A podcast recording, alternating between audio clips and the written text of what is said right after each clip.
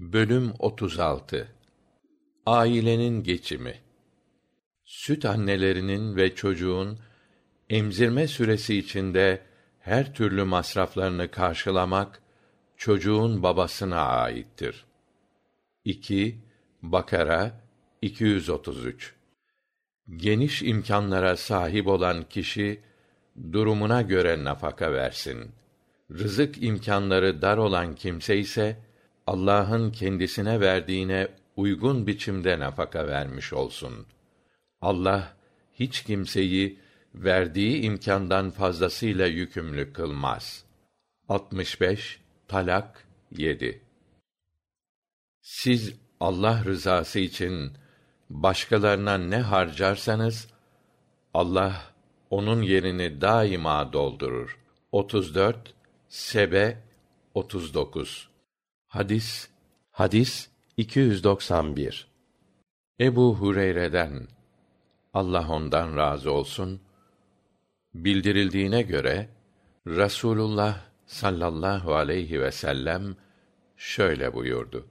Allah yolunda cihad için harcadığın para, bir köleyi hürriyetine kavuşturmak için harcadığın para, muhtaç fakire sadaka olarak verdiğin para, bir de çoluk çocuğuna harcadığın paralar var ya, işte bunlar içinde sana en çok sevap kazandıracak olanı, çoluk çocuğuna harcadığın paradır. Hadis 292 Rasulullah sallallahu aleyhi ve sellemin azatlı kölesi Ebu Abdullah Sevban İbni Bücdüt'ten bildirildiğine göre Rasulullah sallallahu aleyhi ve sellem şöyle buyurdu.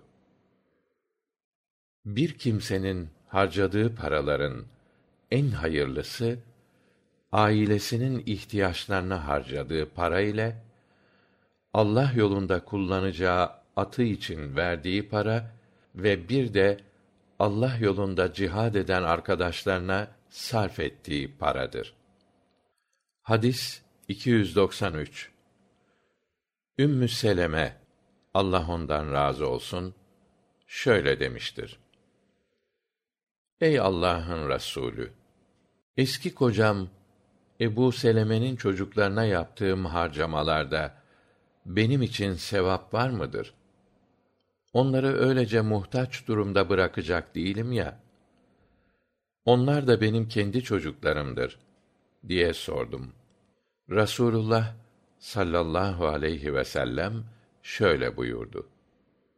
Evet, onlara yaptığın harcamanın sevabı sana verilecektir. Hadis 294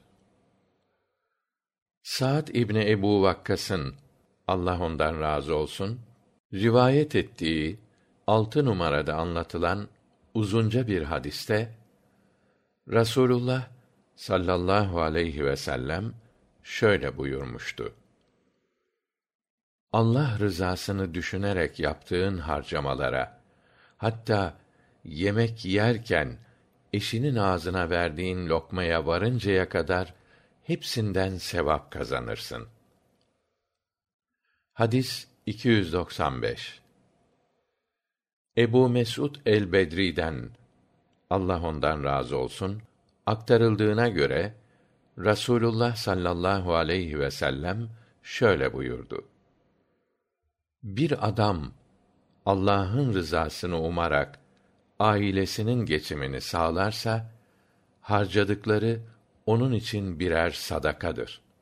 Hadis 296 Abdullah İbni Amr İbni As'tan Allah onlardan razı olsun rivayet edildiğine göre Rasulullah sallallahu aleyhi ve sellem şöyle buyurdu.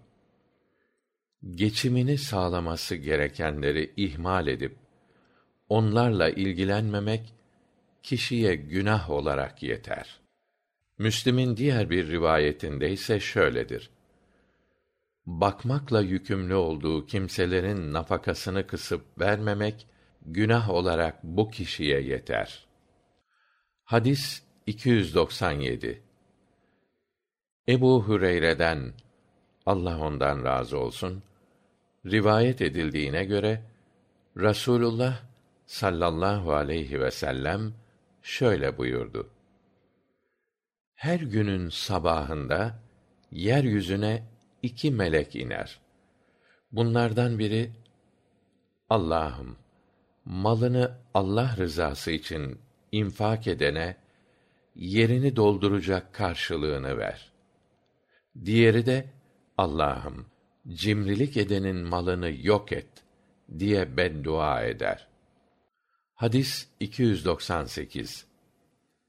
Ebu Hureyre'den Allah ondan razı olsun rivayet edildiğine göre Rasulullah sallallahu aleyhi ve sellem şöyle buyurdu. Veren el alan elden daha üstün ve hayırlıdır. İnfak ederken geçimini üstlendiğin kimselerden başla. Sadakanın hayırlısı ihtiyaç fazlası maldan verilendir veya fakiri bolluğa kavuşturacak olandır. Kim istemekten sakınırsa Allah onu kimseye muhtaç etmez.